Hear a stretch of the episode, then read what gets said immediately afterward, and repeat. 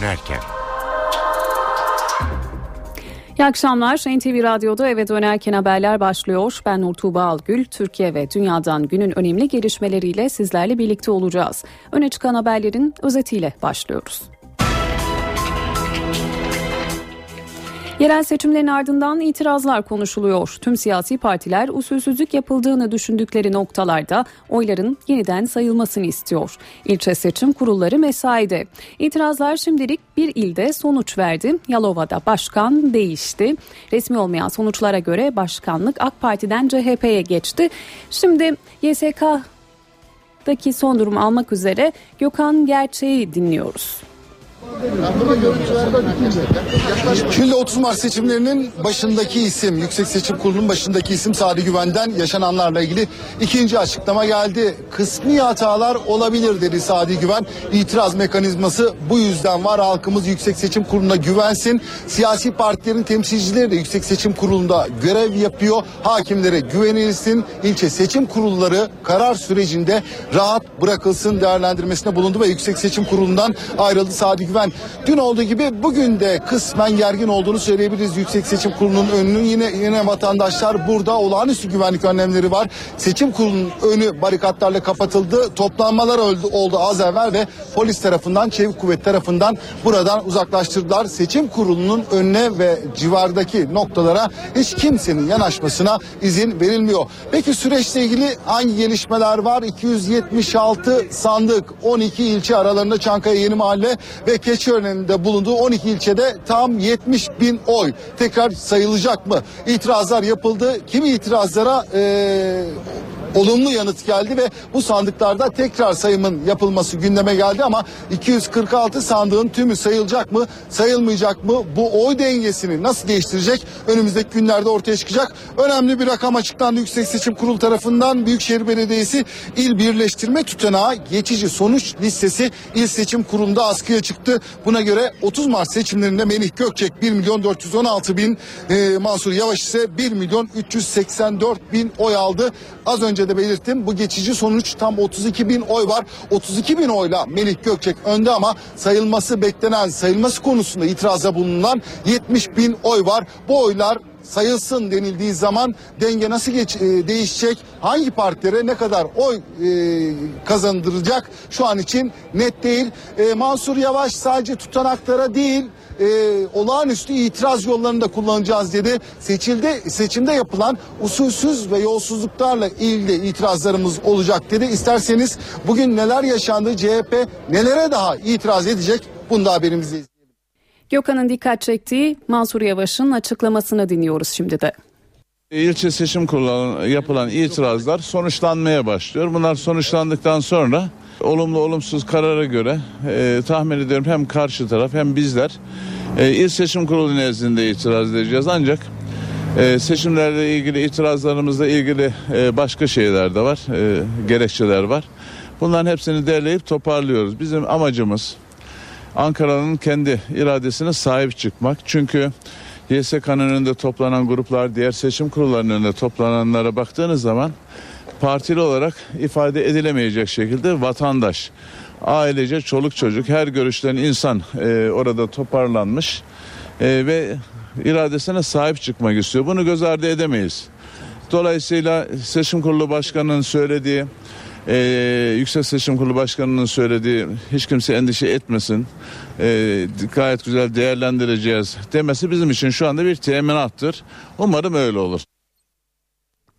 Cumhuriyet Halk Partisi Ankara'da itirazın sonucunu bekliyor ve aslında Ankara'da seçimin iptal edilip yenilenmesini istiyor. Ayrıca İstanbul'da da oyların yeniden sayılmasını istiyor. Seçimi kaybeden Mustafa Sarıgül'ün bugün Ankara'ya genel merkeze giderek Genel Başkan Kemal Kılıçdaroğlu ile görüşmesi bekleniyordu. Ancak görüşme iptal edildi. CHP Merkez Yönetim Kurulu toplandı. Ana muhalefet cephesinden haberleri, kulis notlarını CHP Genel Merkezi'nde gelişmeleri izleyen NTV muhabiri Miray Akta Uluç aktaracak. Miray seni dinliyoruz. Cumhuriyet Halk Partisi'nde Merkez Yönetim Kurulu toplantısı şu sıralarda halen devam ediyor. Saat 13'te bir araya gelmişti CHP yönetimi. Bunun yanı sıra Cumhuriyet Halk Partisi'nde bugün beklenen bir görüşme vardı. O görüşme gerçekleşmedi. Cumhuriyet Halk Partisi'nin İstanbul Büyükşehir Belediye Başkan adayı Mustafa Sarıgül'ün bugün Ankara'ya gelmesi bekleniyordu. CHP lideri Kemal Kılıçdaroğlu'na bir nezaket ziyareti e, gerçekleştirecekti. Ancak bu ziyaret ertelendi ve önümüzdeki günlerde gerçekleştirileceği öğrenildi. Bunun yanı sıra Cumhuriyet Halk Partisi'nden Ankara için önemli bir hamle var. CHP sadece sandık tutanaklarına değil seçim sürecinde de farklı uygunsuzluklar olduğuna inanıyor ve bu yüzden Yüksek Seçim Kurulu'na seçimin iptali, Ankara'daki seçimin tamamen iptali için e, bir başvuru yapmaya hazırlanıyor. Ayrıca CHP'nin tutanaklarla ilgili ilke seçim kurullarına yaptığı itirazlara da yanıtlar gelmeye başladı. Bu yanıtlardan ilki Çankaya'dan Çankaya ilçesiyle ilgili itiraz geldi. CHP'ye 160 oy yazıldı. Bunun karşılığında Adalet ve Kalkınma Partisi'ne de 80 oy yazıldı. CHP'nin yaptığı itirazın ardından sandıkların yeniden sayılması sonucunda. Cumhuriyet Halk Partisi'nin Merkez Yönetim Kurulu toplantısı devam ederken Sözcü Haluk Koç da bir açıklama yaptı bugün. Çok partili yaşamın en şaibeli seçiminin yaşandığını savundu 30 Mart yerel seçimleri sırasında vatandaşların verdikleri oyların akıbetinden kuşkulandığını söyledi Haluk Koç ve seçim güvenliğinin şaibe altında olduğunu Ankara'da ıslak imza tutanaklarının dahi değiştirildiğini ifade etti. Yüksek Seçim Kurulu tarafından bütün sandıkların e, yeniden sayılması gerektiğini ifade etti ve CHP'nin bu yönde de bir başvurusu olacak. Cumhuriyet Halk Partisi'nin Ankara Büyükşehir Belediye Başkan adayı Mansur Yavaş'tan da gelen açıklamalar vardı. Bugün Genel Başkan Kemal Kılıçdaroğlu ile bir görüşme yaptı ve o görüşmeye elinde olağanüstü itiraz başvurusu yazan bir dosyayla geldi. Ve seçimler sırasında usulsüzlükler yaşandığı gerekçesiyle e, yapılacak olan iptal başvurusuna işaret etti. Son durum olarak ilçe seçim kurullarına yapılacak itirazlarda olumsuz karar gelirse eğer dedi e, biz yine de YSK Başkanı'nın açıklamasını bir teminat olarak görmeyiz, görmeliyiz, ona güvenmeliyiz ama bizim itirazlarımızla ilgili başka gerekçelerimiz de var dedi ve seçimin iptal edilmesiyle ilgili başvuruya işaret etti. Yavaş'a göre bu itirazlar e, Ankara'daki seçim sonucunu değiştirebilir. CHP 246 sandıkta e, başvuru yapmıştı. Bunlardan gelecek sonuçlar doğrultusunda ve CHP'nin diğer başvuruları doğrultusunda seçimin renginin değiştirilebileceği görüşünde Cumhuriyet Halk Partisi. Bu arada CHP'nin bir başka başvurusu daha vardı. Onu da hatırlatmakta fayda var. CHP tutanaklarının kesinleştirilmesinin ertelenmesini istemişti. O telepise reddedildi. Ve ilçe seçim kurulları CHP'nin bu başvuruları doğrultusunda saat 17'ye kadar yarın e, cevaplarını vermeye devam edecek. Cumhuriyet Halk Partisi cephesinden son gelişmeler şu özetle bu şekilde. CHP Genel Merkezi'ndeki son durumu NTV muhabiri Miray Akta Uluç aktardı.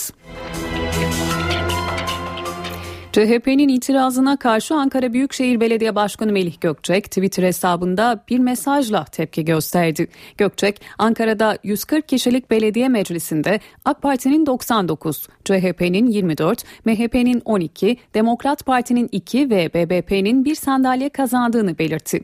Rakibi Mansur Yavaş için CHP adayı seçilseydi zaten ilk faaliyet raporunda başkanlıktan düşürüldü. Düşürülürdü. Bilmem anlatabildim mi ifadesini kullandı. Ankara kadar bu seçimde Yalova sonuçları da çok konuşuldu. Belediye başkanlığını önce AK Parti'nin bir oy farkla kazandığı açıklanmıştı. Ana muhalefetin itirazıyla oylar yeniden sayıldı ve koltuk 6 oy farkla bu kez ana muhalefete geçti. Şimdi de AK Parti itirazı hazırlanıyor. İl Seçim Kurulu'na başvurulacağını duyurdu. AKP bütün itirazlarını yaptı. Bütün itirazları sonucunda Sayın Vefa Salman 27.229 oyla Yalova'nın yeni belediye başkanı. Yalova'da seçim sonucu değişebilir. İkinci oy sayımı sonrası CHP'nin 6 oy farkla belediye seçimlerini kazandığı ilan edildi. İlk oy sayımında AK Parti adayı Yakup Koçal'ın bir oy farkla seçimi kazandığı duyuruldu. CHP bunun üzerine İl Seçim Kurulu'na itiraz etti. Parti yönetimi 1137 nolu sandıkta partilerine çıkan 154 oyun bir oy olarak kaydedildiğini ve oyların HDP'ye yazıldığını savundu. İtiraz kabul edilince 124 sandıktaki oylar yeniden sayıldı. Sayım sonrası CHP Grup Başkan Vekili Muharrem İnce resmi olmayan sonuçlara göre seçimi 6 oy farkla CHP adayının kazandığını söyledi. Bu saatten sonra çalınmadığı sürece hiçbir şey değiştirilemez. Çünkü bütün itirazlar kurul tarafından karara bağlanmıştır. CHP'nin başkan adayı Vefa Salman da gözyaşlarını tutamadı. Ben e, en başından beri kazanacağıma zaten yürekte inanmıştım. E, Allah'ın adaletine inanıyordum zaten. AK Parti de bu sonuca itiraz etti. 121 sandıkta yeniden sayım için başvuru kararı alındı. Konuya ilişkin YSK'dan henüz resmi açıklama yok. Tartışmalı bir diğer nokta Antalya. Sandıktan AK Parti'nin adayı Menderes Türel'in çıktığı ilan edildi. CHP itiraz ediyor. Ancak bugün Antalya bambaşka bir iddiayı konuşuyor. Menderes Türel belediyeye ait imar ve bütçe evraklarının bir şantiyede yakıldığını iddia etti. Yolsuzluk örtülmeye çalışılıyor dedi. Akaydın ise iddiaları yalanladı. Seçimin çekişmeli geçtiği Antalya'da yeni bir gerginlik yaşanıyor.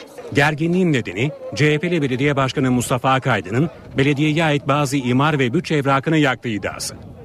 Söz konusu evrakın bir şantiyede yakıldığı iddiası üzerine polis olay yerine gitti. Polis müdahale ederek alevleri söndürdü. Bir kısmı yanan evraka el konuldu.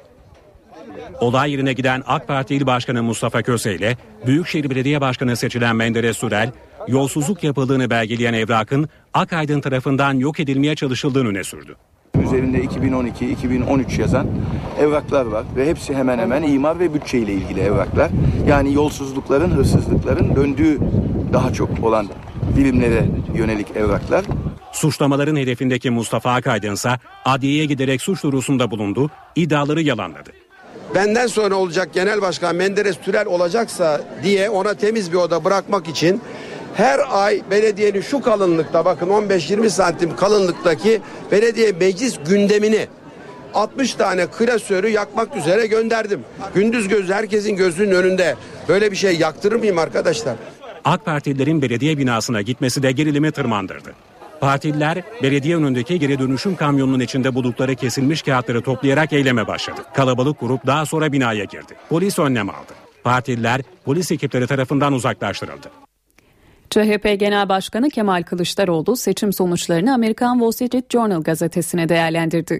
30 puan hedefinin altında kaldık diyen Kılıçdaroğlu, Kürtlere yeteri kadar güven vermedikleri ifadesiyle öz eleştiri yaptı. CHP lideri Cumhurbaşkanlığı seçimi için de MHP'ye mesaj gönderdi. Adayda uzlaşırsak işbirliği olabilir dedi. CHP Genel Başkanı Kemal Kılıçdaroğlu Cumhurbaşkanlığı seçiminde muhalefetle işbirliği mesajı verdi. Kılıçdaroğlu Amerikan Wall Street Journal gazetesinin sorularını yanıtladı. Ağustos ayındaki Cumhurbaşkanlığı seçimlerinde muhalefetin tek bir adayı desteklemesine yeşil ışık yaktı. Cumhurbaşkanlığı seçimlerinde büyük bir olasılıkla işbirliği olabilir. Siyasi kimliği çok öne çıkmamış, bir partiye olan aidiyeti çok öne çıkmamış ama toplumun her kesimini kucaklayan, iyi eğitim almış, yabancı dil bilen, dünyayı ve Türkiye dengelerini iyi bilen bir kişi üzerinde uzlaşırsak birinci turda da olabilir tabii. CHP lideri 30 Mart yerel seçimlerini de değerlendirdi.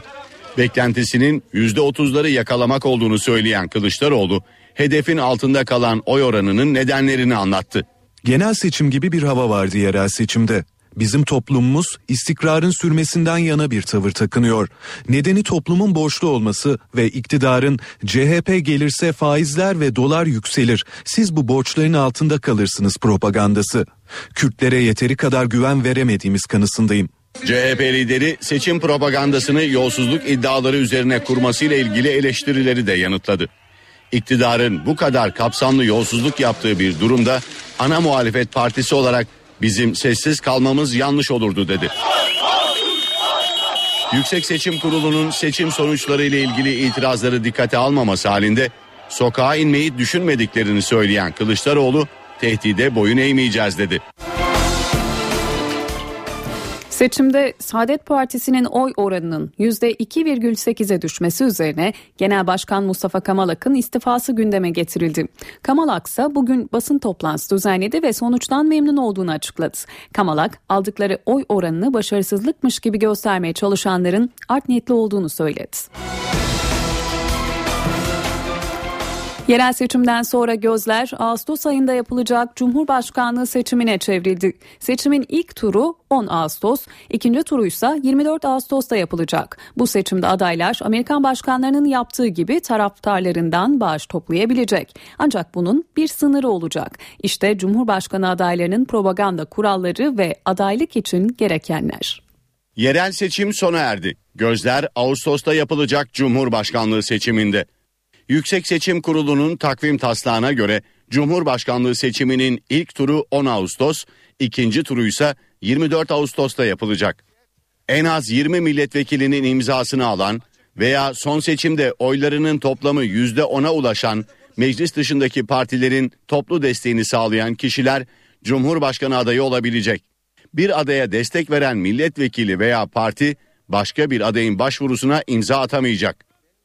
Adaylık başvuruları meclis başkanlığına ya da Yüksek Seçim Kurulu'na yapılabilecek. Cumhurbaşkanı adayları kampanya harcamalarını alacakları bağışlarla yapabilecek. Yani adaylara hazineden para verilmeyecek. Adaylar alacakları bağışları seçim hesabında toplayarak kampanya harcamalarını yapacak. Cumhurbaşkanlığı seçimi öncesi adaylık sürecinin Haziran sonunda, propaganda sürecinin ise Temmuz'da yapılması bekleniyor. Seçimin ilk turunda adaylardan biri geçerli oyların yarısından bir fazlasını alırsa Cumhurbaşkanı seçilecek. Bu oya ulaşılamazsa en çok oyu alan iki aday ikinci tur oylamaya girecek ve en çok oyu alan aday Cumhurbaşkanı seçilecek. Cumhurbaşkanının ilk kez halk oyuyla belirleneceği seçimde yurt dışında yaşayan Türk vatandaşları da oy kullanacak. Yurt dışında 2 milyon 750 bin 820 Türk vatandaşı 56 ülkede 118 temsilcilikte kurulacak sandıklarda oy kullanabilecek. Kemal Derviş yerel seçim sonuçlarını İngiliz Financial Times gazetesinde değerlendirdi. Derviş hem iktidara hem de ana muhalefete tavsiyeler ve uyarıda bulundu. Ekonomiden sorumlu eski devlet bakanı ve Amerikan düşünce kuruluşu Brookings Enstitüsü Başkan Yardımcısı Kemal Derviş, yerel seçimi Financial Times gazetesinde kaleme aldı.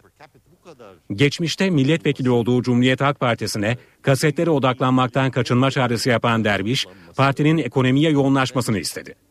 Türkiye'nin merkez sol muhalefeti kasetlere odaklanmaktan kaçınmalı, ekonomiye yoğunlaşmalı ve tıpkı 1970'lerde güçlü şekilde gösterdiği gibi büyük bir çoğunluk için konuşabilme yeteneğini yeniden keşfetmelidir. Sayın Erdoğan'ın iktidar tekiline sadece böyle meydan okunabilir.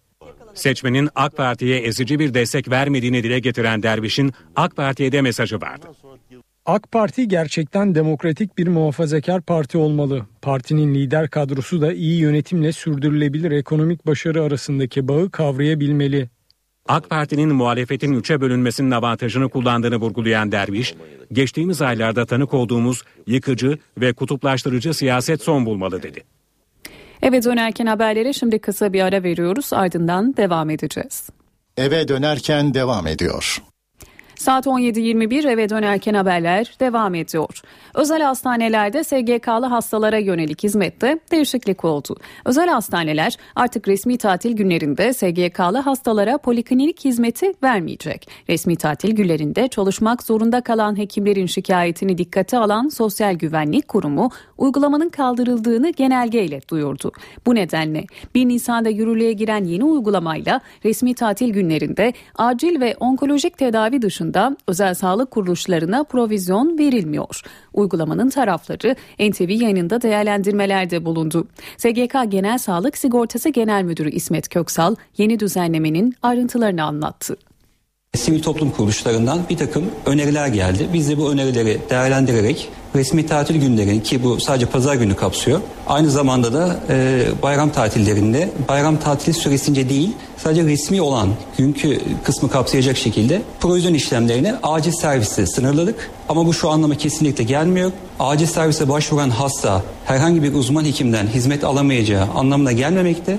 Burada konsültasyon hizmeti olarak uzman hekimlerden hizmet alabilmekte ve bunun da ücreti kurumumuz tarafından ödenmekte. İşin özeti aslında bundan ibaret. Poliklinik hizmeti bir planlı hizmet aslında. Yani hekimin poliklinik için kontrole çağırdığı hastayı, hastanın gününü planlaması ya da hastanın kendi gününü planlayarak acil olmayan şartlarda polikliniğe başvurmasıyla aslında temelde şekilleniyor. E doğal olarak pazar günleri dışında zaten bu hizmeti açık bir şekilde, rahat bir şekilde alabilmekte. Pazar günleri de acil hizmetlerden bu şekilde yararlanabilmekte. Orada bir herhangi bir problem, e, kurumuz açısından problem yok aslında baktığın zaman. Özel Hastaneler Birliği Başkanı Doktor Reşat Bahat ise özel hastane polikliniklerinin resmi tatillerde kepenk indirecek olmasına tepki gösterdi. Bu kararı kesinlikle yanlış buluyoruz. Çünkü bu kararın kazananı yok. Yani niçin yaptık bunu? Hastayı azaltmak için mi yaptık? Yani 94 milyon yerine 94 milyon hasta yerine özel sağlık kuruluşları 93,5 milyon yapsa sosyal güvenliğin gelirinde bir e, giderinde bir çok anlamlı azalma olur mu? Olmaz. Bu hastalar pazar günü muayene olamıyorsa pazartesi olacak mı? Evet. 23 Nisan'da olamazsa 24 Nisan'da olamayacak mı? Evet. Ama burada anlayamadığımız bir şey var bizim. Bizim 23 Nisan'da nöbetçi doktorumuz var. Bir hastanemizde 10 tane nöbetçi uzmanımız var. Ve acil doktorumuz var. Yani siz neden ben acil yani nöbetçi uzman olarak kadın doğum doktorunu hastanede bulundururken sadece acil hastaya bakmak zorunda? Bana onun muayene nöbeti 500 liraya, 600 liraya, 1000 liraya mal oluyorsa neden poliklinik yapamıyor? Ya illa her niyetimizin altında kötü bir şey mi olmalı? Yani bu hastalar neden o gün polikliniğe girip de eşiyle muayene olamıyor? Burada doktor çalışırken, burada işletmeler açık kalmak için ekstra masraf yapıp bunu e, sağlarken, bunda vatandaş memnunken, sosyal güvenliğin gideri artmıyor iken bunun kazananı yok. Yani bence bu karar muhtemelen gözden kaçtı. E, tekrar düzeleceğini düşünüyoruz. Bu kararın kazananı yok. Yani bu kararın mutlaka tekrar gözden geçirilmesi gerekir. İçme suyunun konulduğu damacanalar artık bakanlık tarafından elektronik takibe alınacak. Sağlık Bakanlığı içme sularında kullanılan damacanaların üretiminden kullanım süresi doluncaya kadar geçen süre içinde hijyen, su kalitesi ve güvenlik açısından takibini başlatıyor. Türkiye Halk Sağlığı Kurumu'ndan Hüseyin İlter uygulamada son aşamaya gelindiğini açıkladı. Elektronik takip için özel bir program geliştirildi. Takip sistemi 4 aşamadan oluşuyor. İlk aşamada ambalajlı su firmalarına ilişkin tüm bilgiler kayıt altına alınacak. İkinci aşamada damacanaların temizlendiği yıkama suyunun sıcaklığı takip edilecek. Üçüncü aşamada iletkenlik ve debi takibi yapılacak. Bu sayede kaçak kaynak kullanımı önlenecek. Son aşamada da damacanaların kaç yıl kullanıldığı ve kaç kez dolum yapıldığı çip yöntemiyle saptanacak. Seçim döneminde belediye başkan adayları arasında polemik konusu olan meydanlarda bedava internet uygulaması İstanbul'da başladı. İlk etapta 8 meydan seçildi. İstanbul'un 8 meydanında artık ücretsiz internet uygulaması başladı. Vatandaşlar ister cep telefonlarından isterse tabletlerinden günde 3 saat boyunca bu uygulamadan ücretsiz olarak yararlanabilecek. Beşiktaş, Taksim, Eyüp, Kartal, Beyazıt, Bakırköy, Eminönü ve Kadıköy. Projenin ilk etabı bu meydanlarda başladı. Sistem basit. İBB Wi-Fi bağlantısından sonra telefon numarası giriliyor. Telefona gelen şifreyle de sisteme bağlanılıyor. Hızlı bir erişim sağlayacaktır insanlara teknolojide. Ee, Herkes faydalansın diye bence bu teknolojiden esinleniyor. Gerçekten çok başarılı bir uygulama. Ben beğendim gayet. Ee, her an internet ihtiyacımız oluyor sonuçta ve istediğimiz an karşılayabiliriz. Erişim şimdilik günde 3 saatle sınırlı. Evet şu an geride gayet başarılı yani. Hız bakımından da gayet iyi. Herhangi bir donma kasma da meydana gelmiyor. Bu uygulama yakında hastanelerde, park ve bahçelerde ve şehrin diğer meydanlarında da İstanbulluların hizmetinde olacak. Günümüzde yani akıllı telefon kullanım günüdür. Yani herkesin ellerinde akıllı telefon olduğu sürece yani bu projeyi de destekliyorum ben.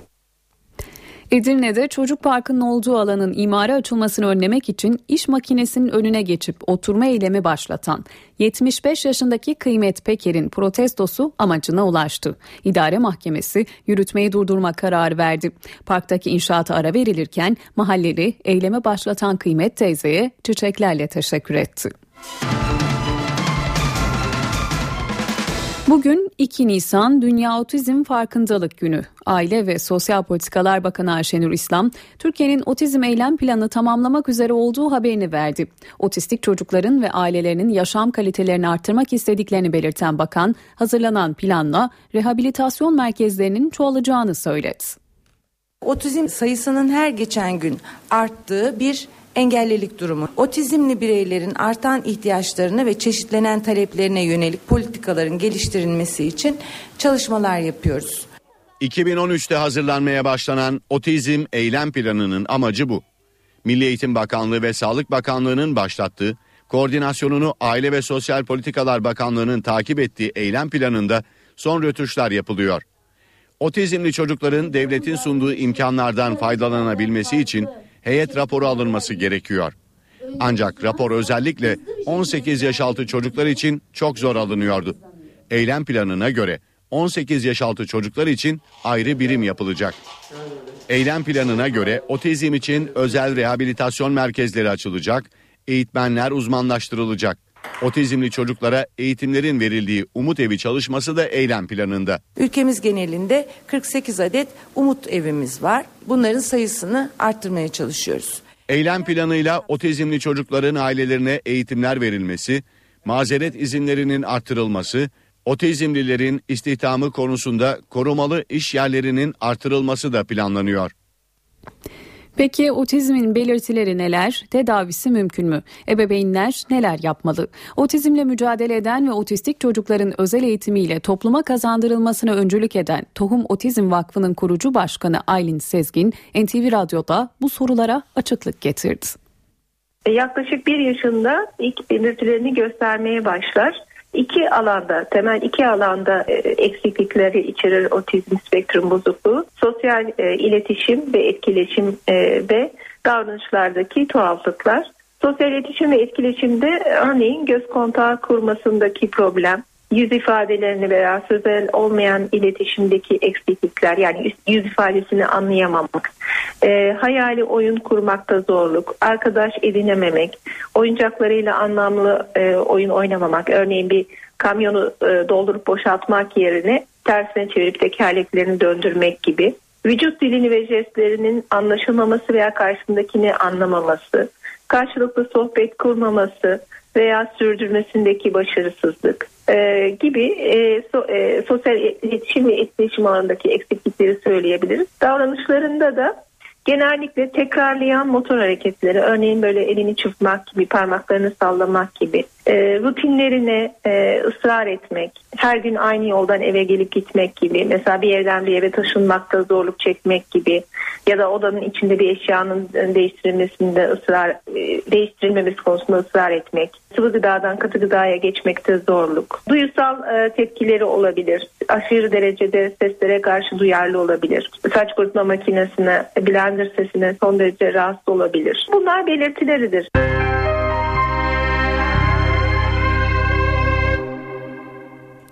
Saat 17.30 NTV Radyo'da eve dönerken haberlere devam ediyoruz. Öne çıkan haberlerin satır başlarını hatırlatalım. Gündem yerel seçim sonuçlarına yapılan itirazlar. İlçe seçim kurulları yoğun mesaide. İtirazlar şimdilik bir şehirde sonuç verdi. Yalova'da oylar yeniden sayılınca başkanlık AK Parti'den CHP'ye geçti. Ama şimdi de AK Parti itiraz ediyor. En büyük tartışma ise Ankara'da. Gökçek seçim sonucuna göre 32 bin oy farkla çıktı ama yeniden sayılacak 70 bin oy var. CHP'li Mansur Yavaş tutanaklar dışında seçimin rengini değiştirebilecek başka itirazlarımız var dedi. CHP yönetimi seçim gündemiyle toplandı. Ankara ve İstanbul'da oyların yeniden sayılması istendi. 2014 yılı Türkiye için seçim yılı. Yerel seçimin ardından gözler Ağustos ayında yapılacak Cumhurbaşkanlığı seçimine çevrilecek. İlk kez halk oyuyla seçilecek Cumhurbaşkanlığı için adaylar Amerika'da olduğu gibi bağış toplayabilecek. Özel hastanelerde SGK'lı hastalara yönelik hizmette değişiklik oldu. Özel hastaneler artık resmi tatil günlerinde SGK'lı hastalara poliklinik hizmeti vermeyecek. İstanbul'da ücretsiz internet dönemi başladı. Vatandaşların yoğun olduğu meydanlar pilot bölge seçildi. Fransa'da yerel yönetim seçimi sonucu hükümet değişiyor. Cumhurbaşkanı François Hollande partisinin yerel seçimde aldığı yenilginin ardından önce başbakanı değiştirdi, ardından kabinede revizyona gitti. Gündemden satır başları böyle, şimdi ayrıntılar.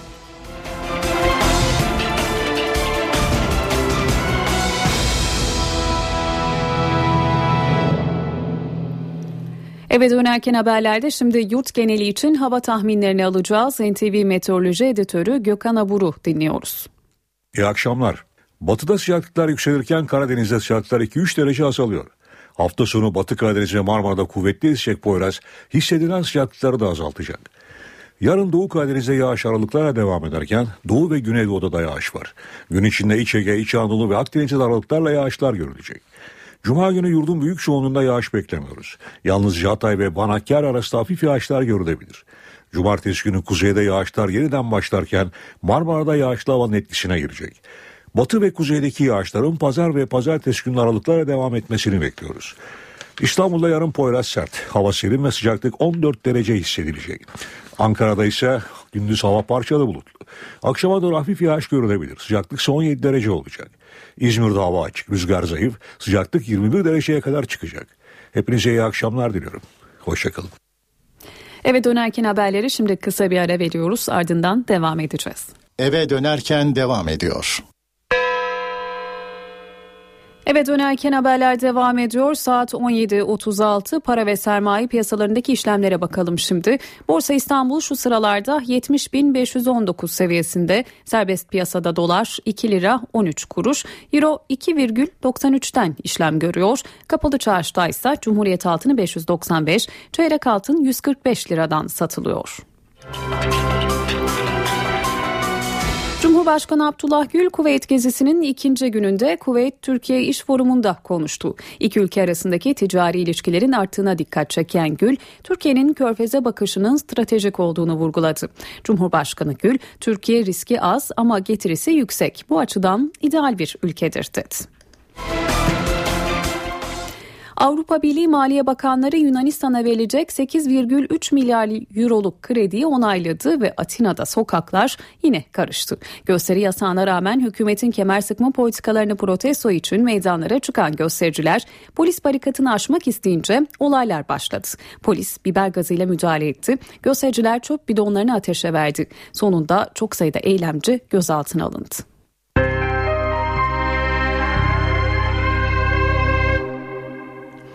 Bir son dakika gelişmesini aktaralım. Anayasa Mahkemesi Twitter'ın engellenmesiyle ilgili yapılan başvurularda başvurucuların haklarının ihlal edildiğine karar verdi. Yüksek Mahkeme gereğinin derhal yapılması için kararı Telekomünikasyon İletişim Başkanlığı ve Ulaştırma Bakanlığı'na gönderdi. Saatler 17.38'i gösteriyor. NTV Radyo'da eve dönerken haberler spor bülteniyle devam ediyor. Sözü NTV Radyo servisinden Volkan Küçük'e bırakıyoruz. Spor haberleri başlıyor.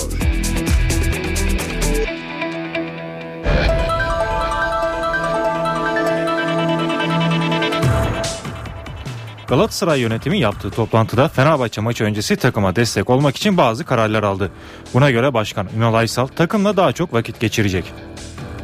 Spor Toto Süper Lig'de ezeli rakibi Fenerbahçe ile sezonun en önemli maçlarından birine çıkacak olan Galatasaray'da yönetimden takıma tam destek geldi. Başkan Ünal Aysal'ın Cuma günü Florya Metin Oktay tesislerinde yapılacak barbekü partisinde takımın yanında olacağı açıklandı. Ancak Galatasaray yönetimini endişelendiren en önemli konulardan biri takımın gidişatından hoşnut olmayan tribünlerin Sarı lacivertliler karşısında alınabilecek kötü sonuca vereceği tepki. Türk Telekom Arena'da ceza almaktan endişe eden Sarı Kırmızılı yönetim takıma destek olarak derbiden kayıpsız ayrılmanın hesaplarını yapıyor. Yönetim kurulu toplantısında bazı isimler Fenerbahçeli futbolcuların tribünleri tahrik edebileceğini söylerken bu konuda Galatasaraylı futbolcuların da teknik ekip tarafından uyarılması istenecek.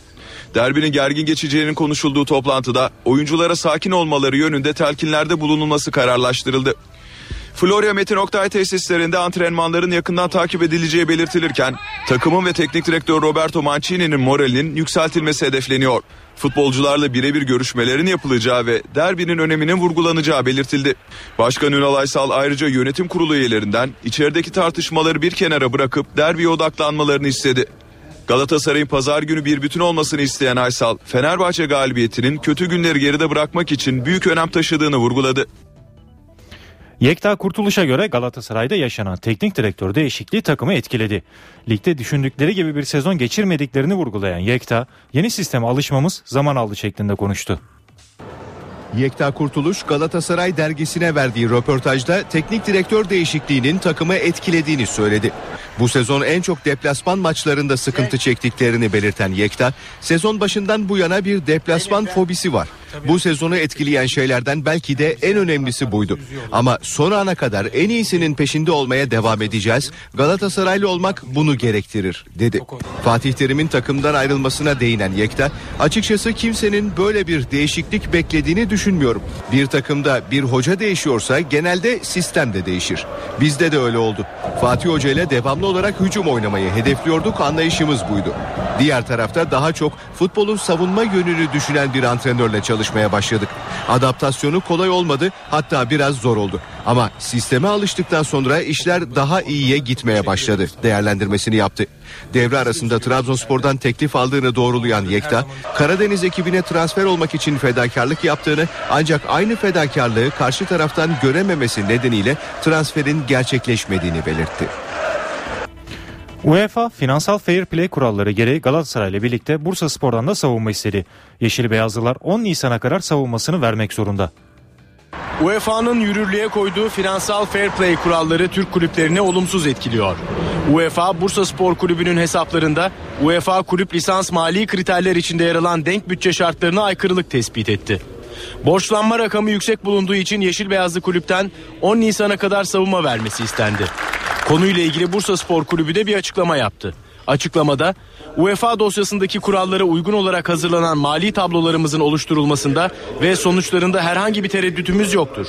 UEFA kriterlerine göre 5 milyon euro üzerinde yer alan sapmalara ilişkin açıklamalar 10 Nisan'a kadar UEFA'ya bildirilecektir denildi. Avrupa'da çok sayıda kulübü inceleme altına alan UEFA'nın çıkacak sonuca göre para cezası, Avrupa kupalarından ihraç edilme ya da gelir gider dengesini sağlayacak ölçüde oyuncuyu Avrupa kupalarında oynatmama gibi cezalar uygulayabileceği ifade edildi. UEFA'nın yaptırımları Haziran ayının ortasında açıklaması bekleniyor. Kasımpaşa'da teknik direktör Şota Arveladze ve oyunculardan Halil Çolak Gaziantep spor maçı öncesi basın mensuplarının sorularını yanıtladı. Gürcü teknik adam ligin bitimine 7 hafta kala her puanın büyük önem taşıdığını vurguladı. Kasımpaşa Avrupa Kupaları iddiasını sürdürmek istiyor. 3 puan hasretine 4 hafta sonra Kayseri Erciyes'i yenerek son veren lacivert beyazlılar Gaziantep spor maçının hazırlıklarını sürdürüyor.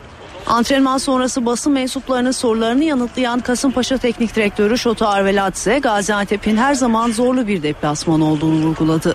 Zor bir e, maçlar kaldı ama e, hedefin içindeyiz. İlk iyi hedefin içindeyiz. Bu maçlarda her puan, her oynadığım maçı e, Antep olsun ilk. Ondan sonra kalan maçlarda çok önemli bizim için. Onun için e, söyleyeceğimiz fazla yok. Bu e, bir buçuk ay kalan e, süresinde çok e, konsantre etmek zorundayız. E, çünkü bir puan her şey değişebilir. İyi bir takım tabii iyi bir oyuncular var. E, son haftalar e, puan verdiler aldılar ama yani kesinlikle ikinci devre daha fazla e, toparladılar. Zor bir maç her zaman da zor oluyor. Yani kolay olmadığını da biliyoruz tabii. Bu sezon 14 teknik direktörün görevinden ayrılmasını da değerlendiren Gürcü teknik adam sayının kendisini şaşırtmadığını söyledi. Kasımpaşa'nın orta saha oyuncusu Halil Çolak Gaziantep spor maçı için iddialı konuştu. Bizim için önemli bir maç çünkü e, bildiğiniz gibi Erciyes maçı vardı. 3-0 kazandık. E, bu gidişatı sürdürmek için e, Antep maçı bizim için çok önemli. O yüzden 3 puan için gidiyoruz. Biz e, bu şanslı kırmak istiyoruz. Erciyes maçıyla başladık. İnşallah işte e, Antep maçıyla devam ederiz. E, önümüzde e, son 7 maç var galiba. Onları alıp Avrupa'yı hedefliyoruz. E, oraya çıkmaya çalışıyoruz. Ünlü futbolcuların teknik direktörü Ekrem Karaberberoğlu vefat etti.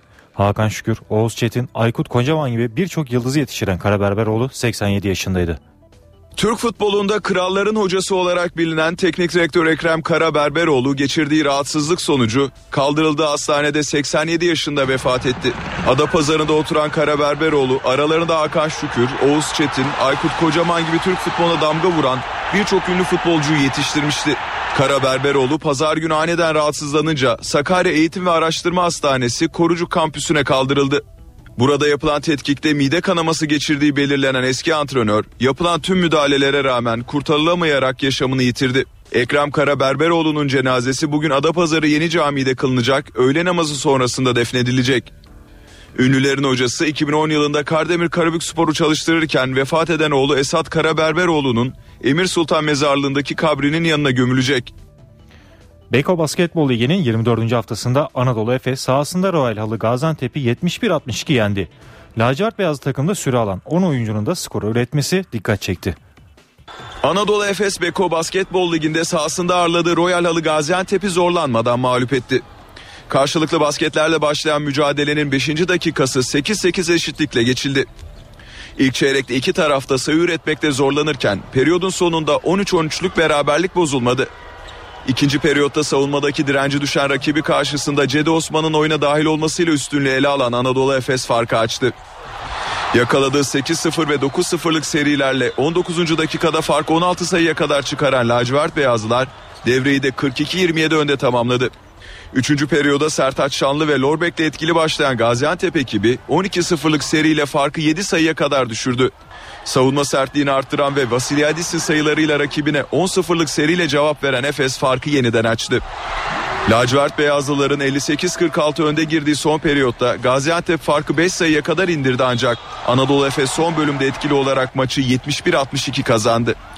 Anadolu Efes'te sahaya çıkan o da oyuncu da skor üretirken 11 sayılı oynayan Gordon ve 10 sayı üreten Bielitsa galibiyette katkı yaptı. Gaziantep'te Barış Ermiş 13 sayıyla maçın en skorer ismi oldu. NTV Radyo'da eve dönerken haberleri kısa bir ara veriyoruz. Saatler 18'i gösterdiğinde gelişmeleri aktarmaya devam edeceğiz. Eve dönerken devam ediyor. Saat 18 NTV Radyo'da eve dönerken haberler devam ediyor. Ben Nur Tuğba Algül. Günün öne çıkan haberlerinden satır başlarını hatırlatalım.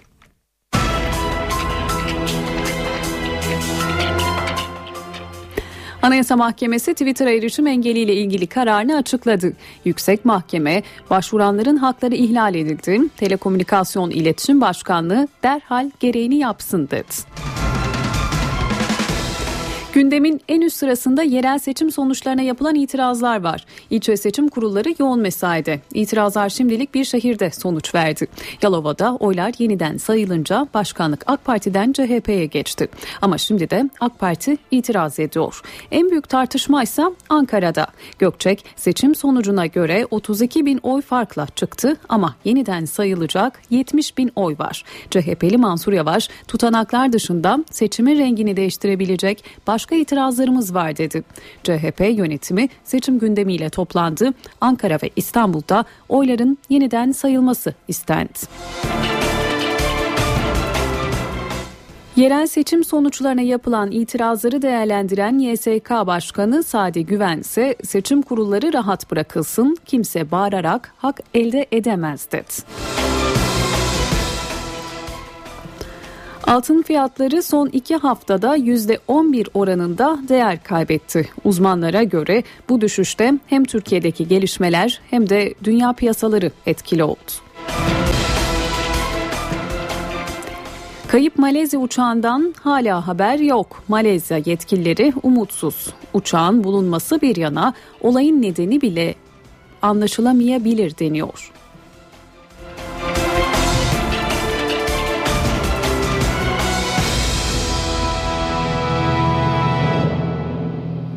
Özetleri aktardık. Şimdi detaylarla devam edelim. Sıcak bir gelişmeyle başlıyoruz. Anayasa Mahkemesi Twitter'a erişim engeliyle ilgili kararını açıkladı. Yüksek Mahkeme başvuranların hakları ihlal edildi. Telekomünikasyon İletişim Başkanlığı derhal gereğini yapsın dedi. Bu kritik kararın ayrıntılarını NTV Ankara İstihbarat Şefi Ahmet Ergen aktarıyor. 21 Mart itibariyle Twitter'a erişim engellenmişti. Telekomünikasyon İletişim Başkanlığı tarafından e, ve bu konuyla ilgili yargı sürecinin bir ayağı da Anayasa Mahkemesi'ydi. E, Anayasa Mahkemesi'ne yapılan bireysel başvurular vardı. CHP Genel Başkan Yardımcısı Sezgin Tanrı Kulu ve Ankara Üniversitesi'nden birçok öğretim üyesinin yine Bilgi Üniversitesi'nden öğretim üyesinin başvuruları vardı. Anayasa Mahkemesi bu konudaki kararını verdi. Karar henüz çok yeni gerekçeli e, gerekçesine ilişkin çok detaylı bir bilgi elimizde yok ama ilk etapta şunu söyleyebiliriz. Anayasa Mahkemesi Twitter'ın engellenmesiyle ilgili yapılan başvurularda başvurucuların haklarının ihlal edildiğine karar verdi. Yani şu an itibariyle önümüzdeki karara e, bakarak söyleyebileceğimiz Twitter'ın erişime açılması gerektiği yönünde ve e, Anayasa Mahkemesi bu o, verdiği kararın yerine getirilmesi için kararı Telekomünikasyon İletişim Başkanlığı ve Ulaştırma Denizcilik ve Haberleşme Bakanlığı'na gönderdi. Kararın gerekçesini de çok kısa bir süre içinde bekliyoruz Anayasa Mahkemesi'nden ama ilk etapta söyleyebileceğimiz 21 Mart'ta erişimi engellen engellenen Twitter'la ilgili alınan karar konusunda başvurucuların haklarının ihlal edildiğine yönelik bir karar yani erişim engeli kararının e, hak ihlali olduğuna yönelik bir karar verdi Anayasa Mahkemesi.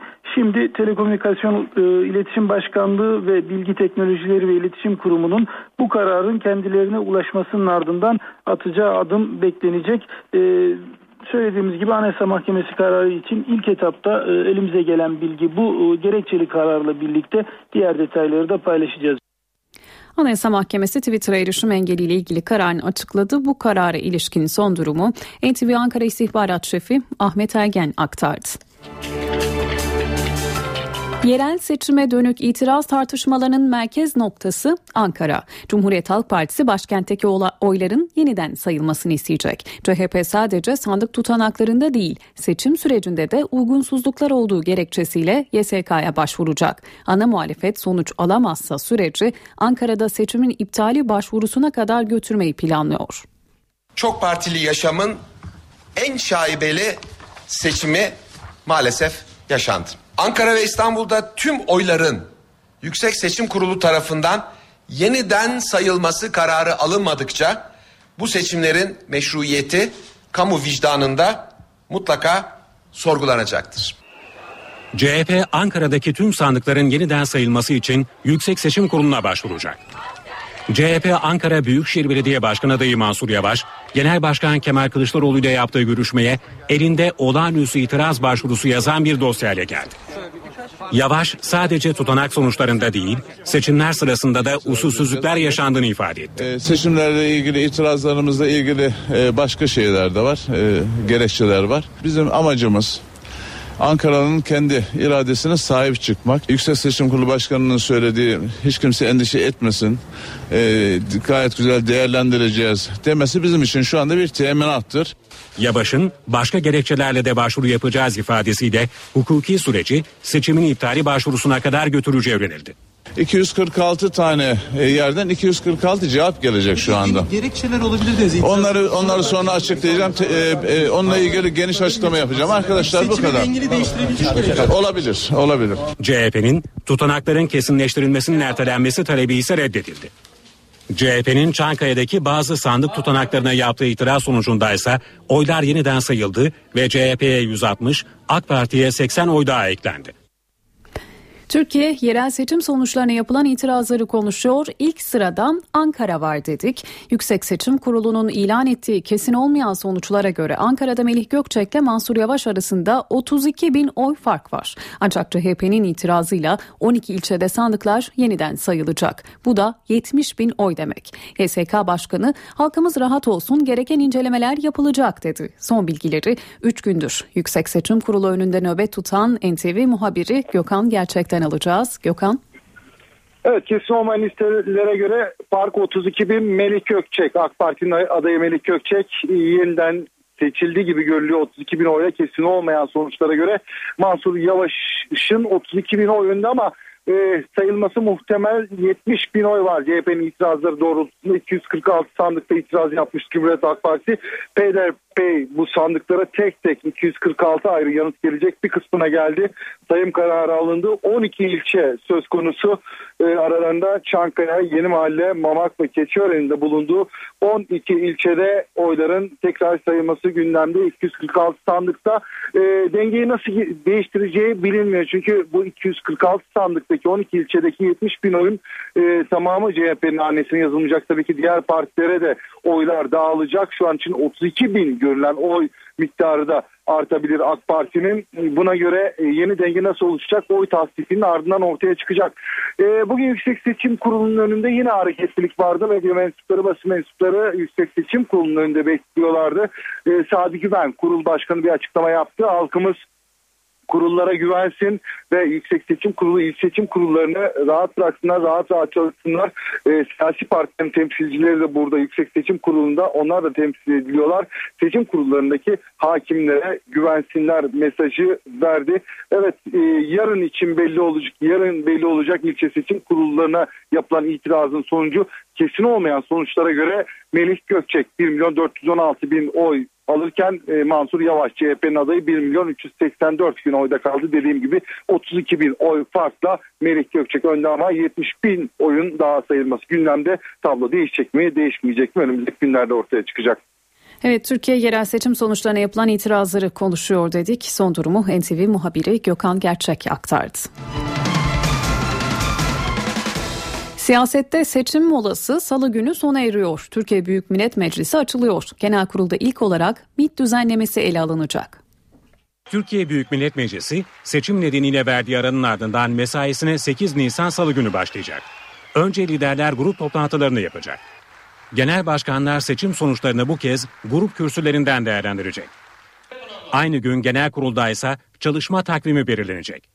Öncelik MİT kanununda. Gündemin önemli başlıklarından bir diğeri Başbakan Recep Tayyip Erdoğan'ın işaret ettiği yüksek yargı kanunlarında yapılacak değişiklikler.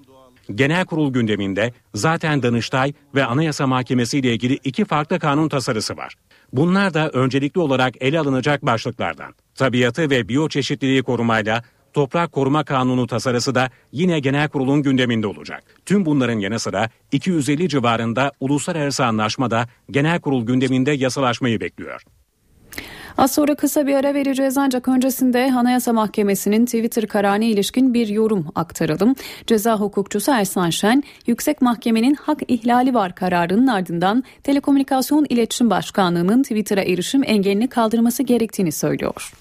TİB'in tabii şu an itibariyle seçeneği olduğunu ben düşünmüyorum. Hukuk devletinde Anayasa Mahkemesi'nin bu tespitini, hak ihlali tespitinin gereğini derhal yerine getirmek durumunda. Esasında bu mesele e, TİB'in e, erişim engellemesini toplu yapması usulü uygun değildi. Böyle bir yetki mahkemeye tanınmıştı ama şekle uygun olmadı. Bu anlamda daha önce de İnsan Hakları Avrupa Mahkemesi'nin 18-12-2012 tarihinde Ahmet Yıldırım Kürtçe'ye kararı vardı. Google Sites'a toplu erişim engelleme ile ilgili hak ihlali kararıydı.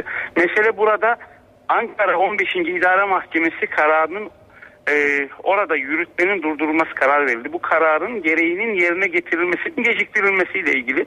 Anayasa Mahkemesi'nin hassasiyeti o, oldukça ilginç. Ümit ediyorum diğer hak ihlali iddialarında da Anayasa Mahkemesi böyle bir hafta 10 gün içerisinde hemen inceleme yapıp e, karar verir. E, kişi hak ve hürriyetleri bakımından özellikle ifade hürriyeti bakımından ve bu tip toplu erişim engellemede yapılan e, uygulamanın hatasını tespit bakımından son derece isabetli bir karar. E, keşke Telekomünikasyon İletişim Başkanlığı Ankara 15 İdare Mahkemesi'nin verdiği kararı bu kadar geciktirmeseydi de derhal uygulasaydı. İdari yargılama usulü kanunda 30 güne kadar e, yürütmenin durdurulması kararının gereğini yerine getirir şeklindeki o tespitin e, gereğinin geciktirilmesinin bir sonucudur bu. Anayasa Mahkemesi isabetli karar vermiştir. 75-80 milyonluk toplumda milyonların kullandığı e, efendim insanların kullanımında olan bu tip e, internet ortamlarının e, toplu yasaklamalara tabii bu şekilde konu edilmemesi gerekir. O açıdan Anayasa Mahkemesi'nin ifade hürriyetinin önünü açan, daha önce örneğin İnsan Hakları Avrupa Mahkemesi tarafından verilen kararın isabetli olduğunu, bir an önce TİB'in seçeneği yok artık, süre sınırlaması yok. Derhal gereğini derhal yerine getirecek. Hadise bundan ibarettir. Eve dönerken haberleri şimdi kısa bir ara veriyoruz ardından devam edeceğiz. Eve dönerken devam ediyor. Eve dönerken haberler devam ediyor saat 18.17. Özel hastanelerde SGK'lı hastalara yönelik hizmette değişiklik oldu. Özel hastaneler artık resmi tatil günlerinde SGK'lı hastalara poliklinik hizmeti vermeyecek. Resmi tatil günlerinde çalışmak zorunda kalan hekimlerin şikayetini dikkate alan Sosyal Güvenlik Kurumu uygulamanın kaldırıldığını genelgeyle duyurdu. Bu nedenle 1 Nisan'da yürürlüğe giren yeni uygulamayla resmi tatil günlerinde acil ve onkolojik tedavi dışında özel sağlık kuruluşları kuruluşlarına provizyon verilmiyor. Uygulamanın tarafları NTV yayınında değerlendirmelerde bulundu. SGK Genel Sağlık Sigortası Genel Müdürü İsmet Köksal yeni düzenlemenin ayrıntılarını anlattı. Sivil toplum kuruluşlarından bir takım öneriler geldi. Biz de bu önerileri değerlendirerek resmi tatil günlerini ki bu sadece pazar günü kapsıyor. Aynı zamanda da e, bayram tatillerinde bayram tatili süresince değil sadece resmi olan günkü kısmı kapsayacak şekilde provizyon işlemlerini acil serviste sınırladık. Ama bu şu anlama kesinlikle gelmiyor. Acil servise başvuran hasta herhangi bir uzman hekimden hizmet alamayacağı anlamına gelmemekte. Burada konsültasyon hizmeti olarak uzman hekimlerden hizmet alabilmekte ve bunun da ücreti kurumumuz tarafından ödenmekte. İşin özeti aslında bundan ibaret. Poliklinik hizmeti bir planlı hizmet aslında. Yani hekimin poliklinik için kontrole çağırdığı hastayı, hastanın gününü planlaması ya da hastanın kendi gününü planlayarak acil olmayan şartlarda polikliniğe başvurmasıyla aslında temelde şekilleniyor. E doğal olarak pazar günleri dışında zaten bu hizmeti açık bir şekilde, rahat bir şekilde alabilmekte. Pazar günleri de acil hizmetlerden bu şekilde yararlanabilmekte. Orada bir herhangi bir problem, e, kurumumuz açısından problem yok aslında baktığın zaman. Özel Hastaneler Birliği Başkanı Doktor Reşat Bahat ise özel hastane polikliniklerinin resmi tatillerde kepenk indirecek olmasına tepki gösterdi. Bu kararı kesinlikle yanlış buluyoruz. Çünkü bu kararın kazananı yok. Yani niçin yaptık bunu? Hastayı azaltmak için mi yaptık? Yani 94 milyon yerine 94 milyon hasta yerine özel sağlık kuruluşları 93,5 milyon yapsa sosyal güvenliğin gelirinde bir e, giderinde bir çok anlamlı azalma olur mu? Olmaz. Bu hastalar pazar günü muayene olamıyorsa pazartesi olacak mı? Evet. 23 Nisan'da olamazsa 24 Nisan'da olamayacak mı? Evet. Ama burada anlayamadığımız bir şey var bizim. Bizim 23 Nisan'da nöbetçi doktorumuz var. Bir hastanemizde 10 tane nöbetçi uzmanımız var. Ve acil doktorumuz var. Yani siz neden ben acil yani nöbetçi uzman olarak kadın doğum doktorunu hastanede bulundururken sadece acil hastaya bakmak zorunda? Bana onun muayene nöbeti 500 liraya, 600 liraya, 1000 liraya mal oluyorsa neden poliklinik yapamıyor? Ya illa her niyetimizin altında kötü bir şey mi olmalı? Yani bu hastalar neden o gün polikliniğe girip de eşiyle muayene olamıyor? Burada doktor çalışırken, burada işletmeler açık kalmak için ekstra masraf yapıp bunu e, sağlarken, bunda vatandaş memnunken, sosyal güvenliğin gideri artmıyor iken bunun kazananı yok. Yani bence bu karar muhtemelen gözden kaçtı. E, tekrar düzeleceğini düşünüyoruz. Bu kararın kazananı yok. Yani bu kararın mutlaka tekrar gözden geçirilmesi gerekir. Beyin kanaması geçiren ve 13 gündür tedavi altında olan Kenan Işık bir süre daha uyutulacak. Kenan Işık'ın eşi Beril Işık, doktorlar olumlu noktaya gelindiğini, durumun stabil olduğunu söyledi. Yol haritasının belirlenmesi için bundan sonra ortaya çıkacak klinik bulguların takip edileceğini vurguladılar dedi. Kenan Işık 13 gün önce beyin kanaması nedeniyle hastaneye kaldırılmıştı. Seçim döneminde belediye başkan adayları arasında polemik konusu olan meydanlarda bedava internet uygulaması İstanbul'da başladı. İlk etapta 8 meydan seçildi. İstanbul'un 8 meydanında artık ücretsiz internet uygulaması başladı. Vatandaşlar ister cep telefonlarından isterse tabletlerinden günde 3 saat boyunca bu uygulamadan ücretsiz olarak yararlanabilecek. Beşiktaş, Taksim, Eyüp, Kartal, Beyazıt, Bakırköy, Eminönü ve Kadıköy. Projenin ilk etabı bu meydanlarda başladı. Sistem basit. İBB Wi-Fi bağlantısından sonra telefon numarası giriliyor. Telefona gelen şifreyle de sisteme bağlanılıyor. Hızlı bir erişim sağlayacaktır insanlara teknolojide. Ee, Herkes faydalansın diye bence bu teknolojiden esimleniyor. Gerçekten çok başarılı bir uygulama. Ben beğendim gayet. Ee, her an internet ihtiyacımız oluyor sonuçta ve istediğimiz an karşılayabiliriz. Erişim şimdilik günde 3 saatle sınırlı. Evet şu an geride gayet başarılı yani. Hız bakımından da gayet iyi. Herhangi bir donma kasma da meydana gelmiyor. Bu uygulama yakında hastanelerde, park ve bahçelerde ve şehrin diğer meydanlarında da İstanbulluların hizmetinde olacak. Günümüzde yani akıllı telefon kullanım günüdür. Yani herkesin ellerinde akıllı telefon olduğu sürece yani bu projeyi de destekliyorum ben. Para ve sermaye piyasalarındaki işlemlere bakalım şimdi de. Borsa İstanbul günü 70.675 puandan tamamladı. Serbest piyasada dolar 2 lira 13 kuruş, euro 2.93'ten işlem gördü. Kapalı çarşıda ise Cumhuriyet altını 595, çeyrek altın 145 liradan satıldı.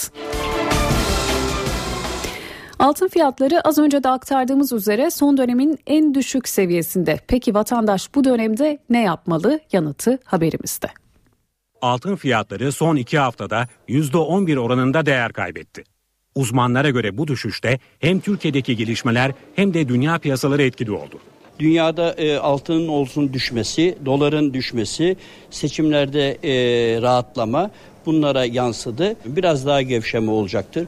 Ama ilerleyen dönemde altında ben gene yükseliş, e, dolarda gene yükseliş e, bekliyorum. Mart ayında 163 liraya kadar çıkan çeyrek altın kapalı çarşıda 143 liradan işlem gördü. Param olsa her zaman alırım. Yani niye? Bu fiyatlar kötü bir fiyat değil. Ben bu altınların inip çıkmasında anlam veremiyorum yani. Çok değişken bir tavır sergiliyor. Peki kapalı çarşı esnafı altından ne bekliyor? Biraz daha geri gelmesini bekliyoruz. Bu onstan da etkileniyor. Onsun da etkisi. Doların da aşağı yönlü seyrinden dolayı altında bu aralar düşüş olabilir.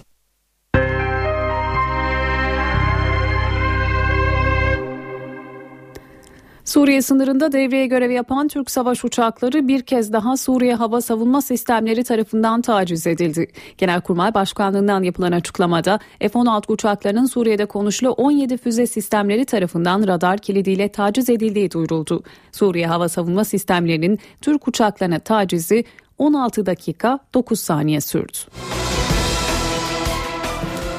Suriye'de 3 yıldır süren iç savaşta can kaybı 150 bini aştı. Suriye İnsan Hakları Gözlem Örgütü'nün raporuna göre ölenlerin yarısından fazlası sivil. Suriye'de 3 yılı aşkın bir süredir devam eden iç savaşta can kaybı 150 bini aştı. Açıklama Londra merkezli Suriye İnsan Hakları Gözlem Örgütü'nden geldi. Örgüt ölenlerin yarısını yani 75 binden fazlasını sivillerin oluşturduğuna dikkat çekti. Rakamlar ülkeyi harabeye çeviren iç savaşın kadın ve çocukları da vurduğunu ortaya koydu. 3 yılda yaklaşık 8 bin Suriyeli çocuğun ve 5 bin kadının öldüğü belirtiliyor. Çatışmalarda ölen muhalif asker sayısı 26 bin, muhaliflerle birlikte savaşırken ölen yabancı militan sayısı ise 11 bin olarak açıklandı. Rejime bağlı binlerce asker de iç savaşta can verdi. Çatışmalarda 35 bin Suriyeli asker ve polisle Esad rejimine bağlı 22 bin milisin öldüğü aktarılıyor. Birleşmiş Milletler verilerine göre iç savaş 2,5 milyon Suriyeliyi evlerinden etti. 3 yılda Türkiye'ye sığınan Suriyeli sayısı 700 bini aştı. Çatışmalar ülkeyi terk etmeyen 3,5 milyon Suriyeliyi de yardıma muhtaç hale getirdi. NATO Rusya ile her alanda işbirliğini askıya aldı. Moskova'dan tepki gecikmedi. Rusya Dışişleri Bakanlığı'ndan yapılan açıklamada iki tarafa da fayda sağlamayacak bir adım yorum yapıldı. NATO'nun soğuk savaş diline geri döndüğü belirtildi. Rusya Dışişleri Bakanı Sergey Lavrov da Amerikalı mevkidaşı John Kerry'e NATO'nun kararına ilişkin kaygılarını iletti.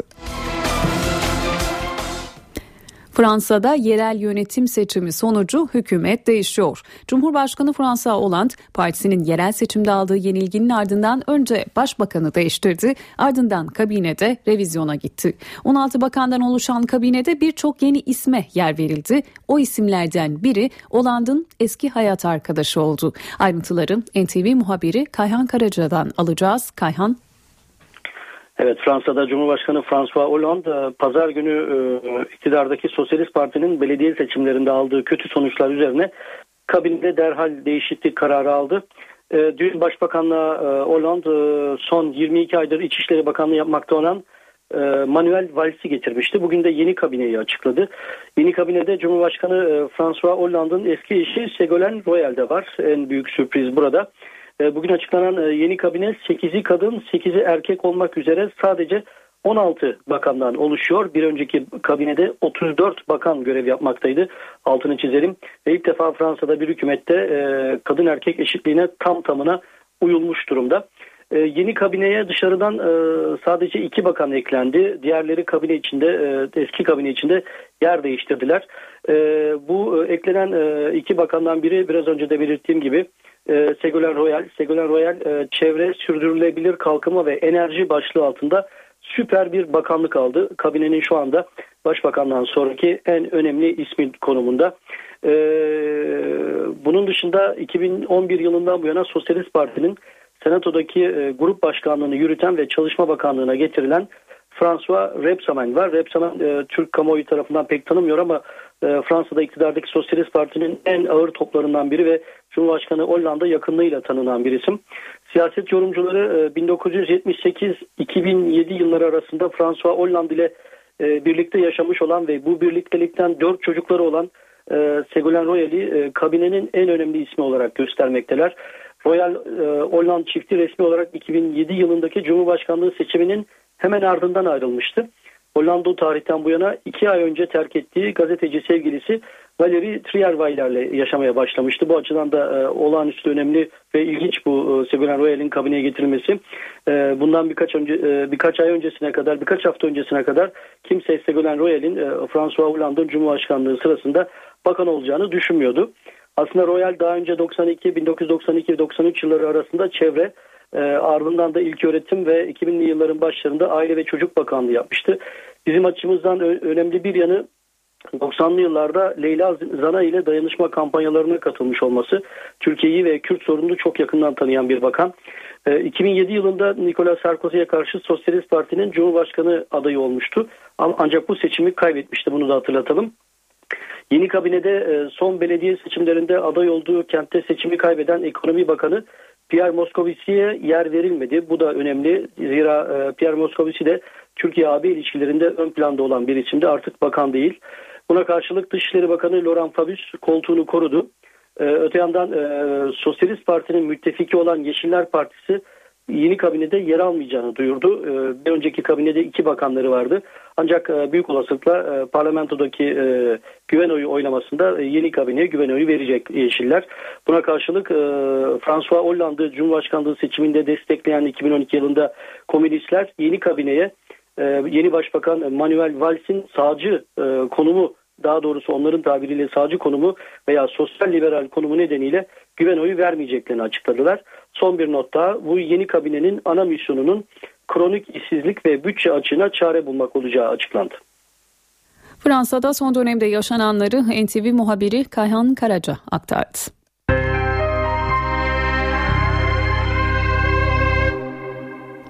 Saat 18.30 öne çıkan haberlerin satır başlarını hatırlatalım.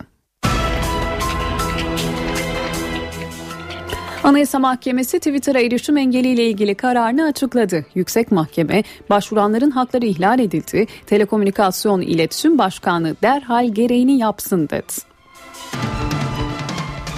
Yerel seçim sonuçlarına itirazlar bir şehirde sonuç verdi. Yalova'da oylar yeniden sayılınca başkanlık AK Parti'den CHP'ye geçti. Ama şimdi de AK Parti itiraz ediyor. En büyük tartışma ise Ankara'da. Gökçek seçim sonucuna göre 32 bin oy farkla çıktı ama yeniden sayılacak 70 bin oy var. CHP'li Mansur Yavaş tutanaklar dışında seçimin rengini değiştirebilecek başka itirazlarımız var dedi.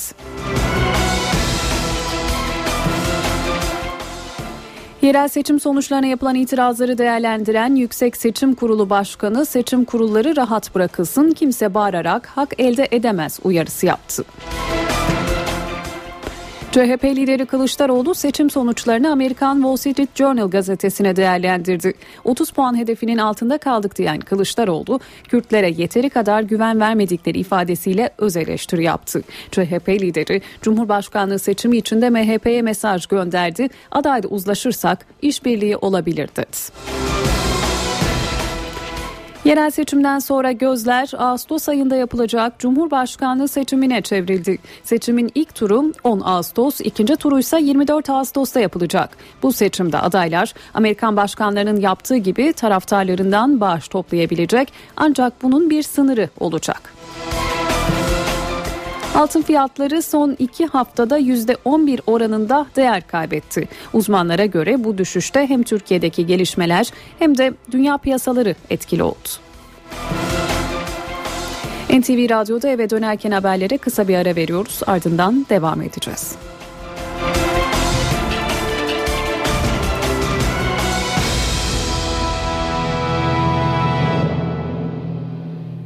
Eve dönerken devam ediyor.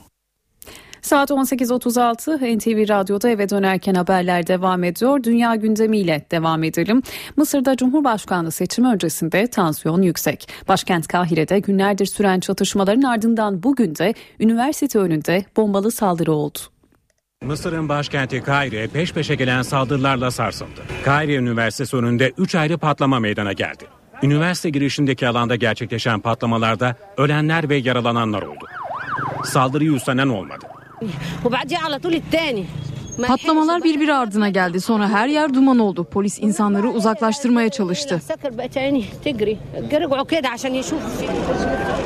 Mısır'da Mursi yönetimine son veren Abdülfettah El-Sisi'nin Cumhurbaşkanlığına adaylığını açıklamasının ardından ülkede tansiyon yüksek.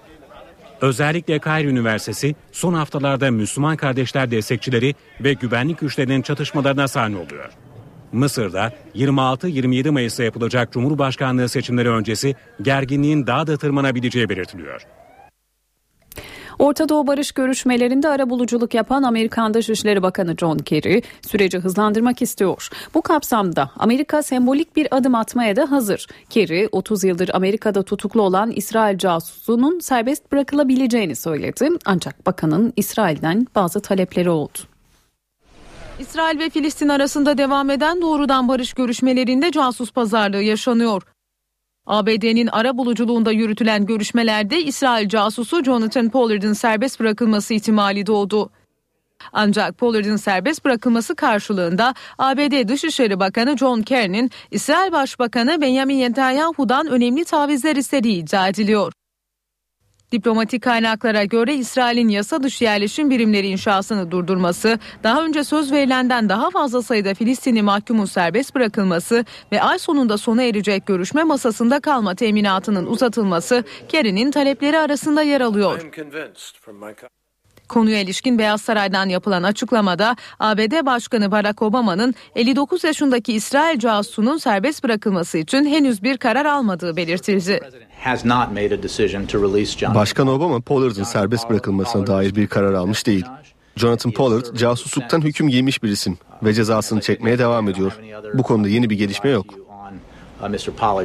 1985'te sivil istihbarat memurluğu yaptığı ABD donanmasına ait gizli belgeleri İsrail'e sızdırırken yakalanan Pollard ömür boyu hapis cezası almıştı.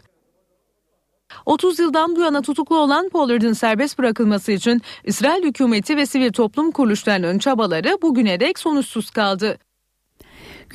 Güney Amerika ülkesi Şili 8,2 büyüklüğünde bir depremle sarsıldı. Sarsıntının ardından 2 metrelik tsunami dalgaları oluştu. Bu şiddette depreme rağmen ülkede büyük bir yıkım yok. İlk belirlemelere göre en az 5 kişi hayatını kaybetti.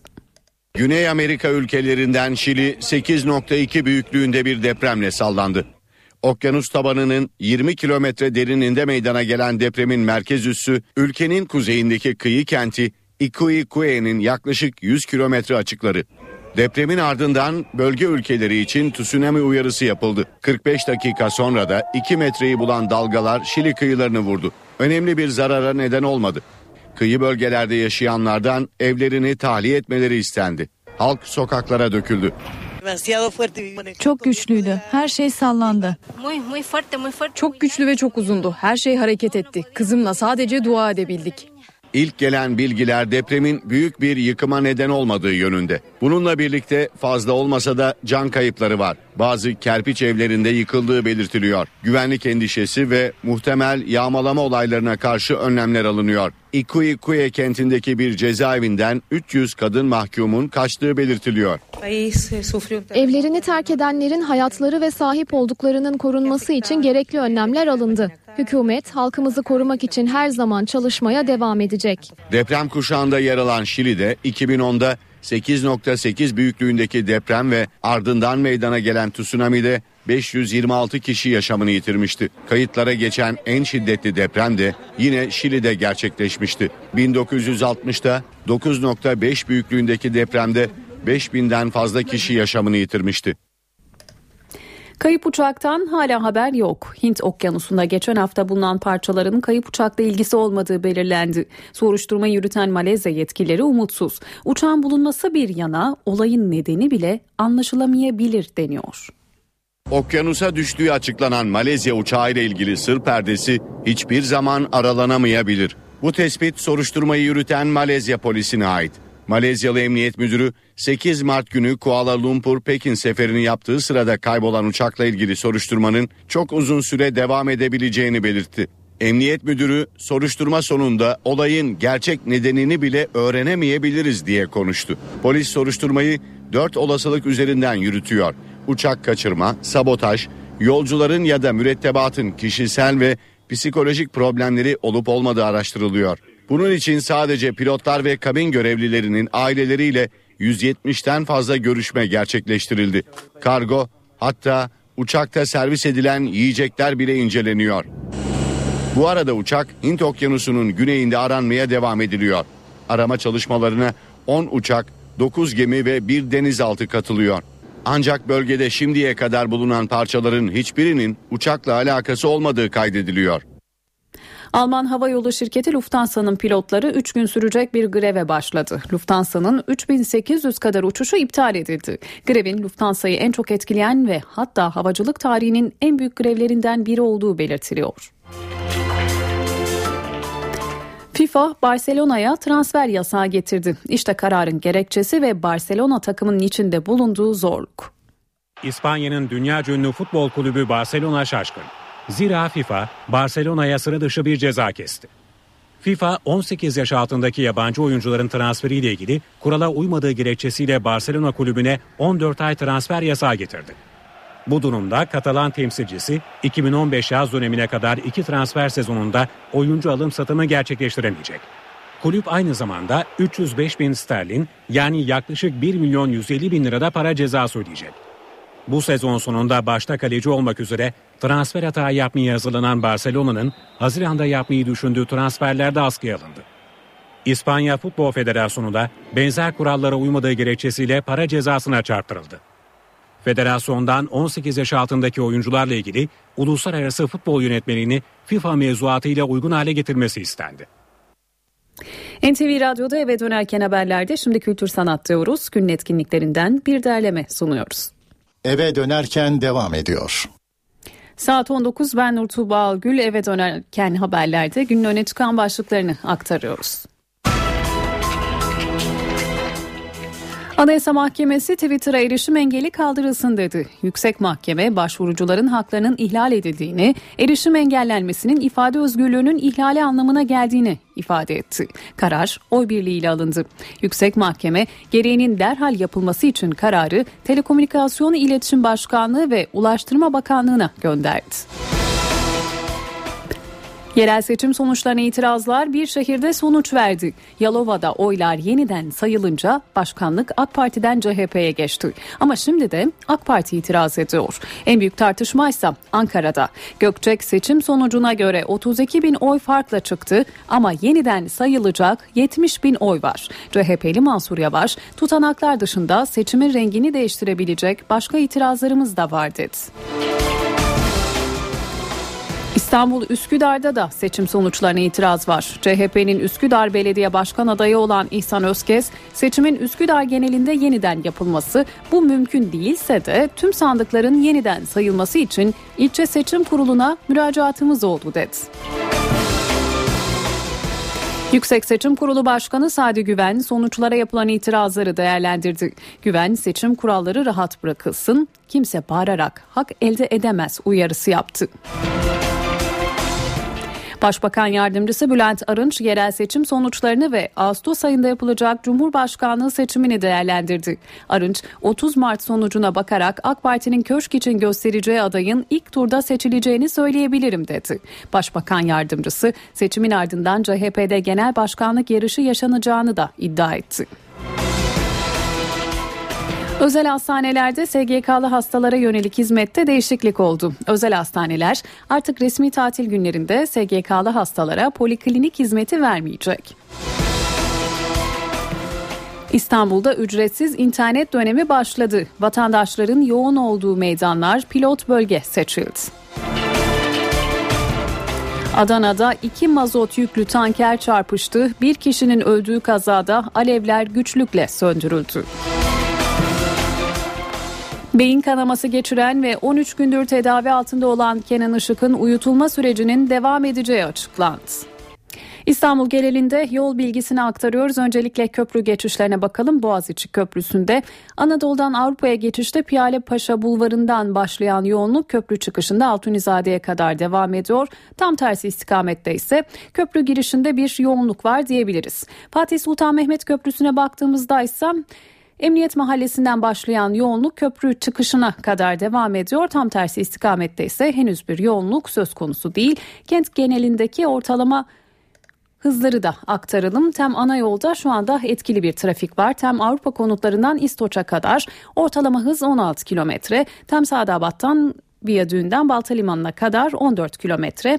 Asya'dan Avrupa'ya E5'te Maltepe Köprüsü'nden Bostancı'ya kadar ortalama hız 19 kilometre hızla seyrediyor.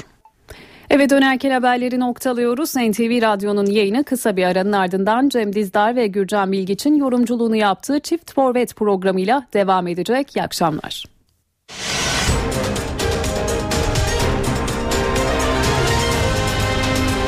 NTV Radyo, Türkiye'nin haber radyosu.